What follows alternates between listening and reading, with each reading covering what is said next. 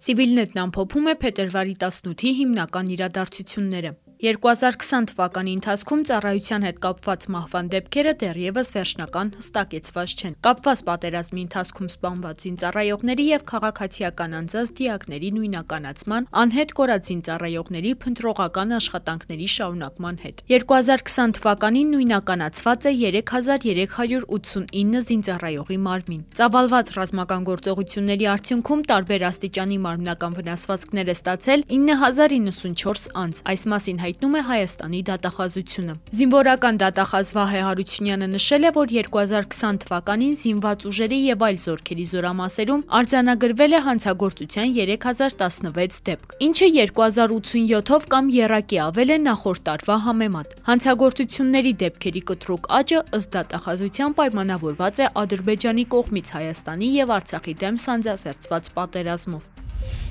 Տնտեսությունը մտնում է վերականգնման փուլ։ Այս մասին այսօր կառավարության նիստում հայտնել է վարչապետ Նիկոլ Փաշինյանը։ Փետրվարի առաջին 15 օրերի ընթացքում ՀԴՄ կտրոններով ու հաշվարկային փաստաթղթերով 604 000 ավելի գործարք է կատարվել անցյալ տարվա փետրվարի առաջին 15 օրերի համեմատ։ Իսկ դրամաշրջանառությունը նախորդ տարվա նույն ժամանակահատվածի համեմատ աճել է 12%-ով։ Մինչդեռ համաշխարհային բանկը կարծում է, որ Հայաստանում տնտեսական ակտիվությունը ցածր տեմպերով է վերականգնվում։ Համաշխարհային բանկի հայաստանյան գրասենյակն իր ամսական տեսությունում շեշտում է, որ տնտեսական ակտիվության ցուցանիշը 2020-ի նախորդ տարվա նույն ժամանակահատվածի համեմատ նվազել է 8.8%-ով։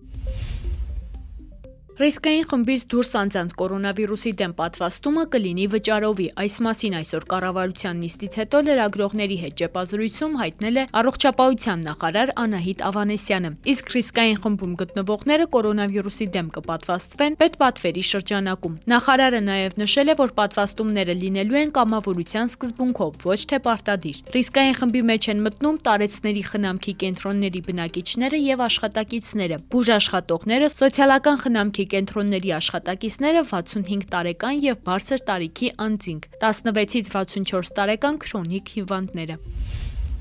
Արցախում փետրվարի 25-ից մեկնարկում է 68 հազարական դրամ 4 ամսյա սոցիալական աջակցության ծրագիրը։ Այս մասին հայտնում է Արցախի տեղեկատվական շտաբը։ Ծրագրի շրջանակում Արցախում հաշվառված կամ փաստացի բնակեցված անձինք առաջիկա 4 ամիսների ընթացքում կստանան ուղիղ դրամական աջակցություն արցանց դիմում գրելու միջոցով։ Բացառություն կկազմեն 18-ից 63 տարեկան հաշմանդամության խումբ ճանաչող տղամարդիկ, իսկ 63 տարին լրացած կենսաթոշակառուները եւ առաջին, երկրորդ եւ երրորդ խմբի հաշմանդամություն ունեցող անձինք դիմում գրելու կարիք չեն ունենա։ Նրանք աջակցությունը կստանան իրենց կենսաթոշակի կամ նպաստի հետ մեկտեղ։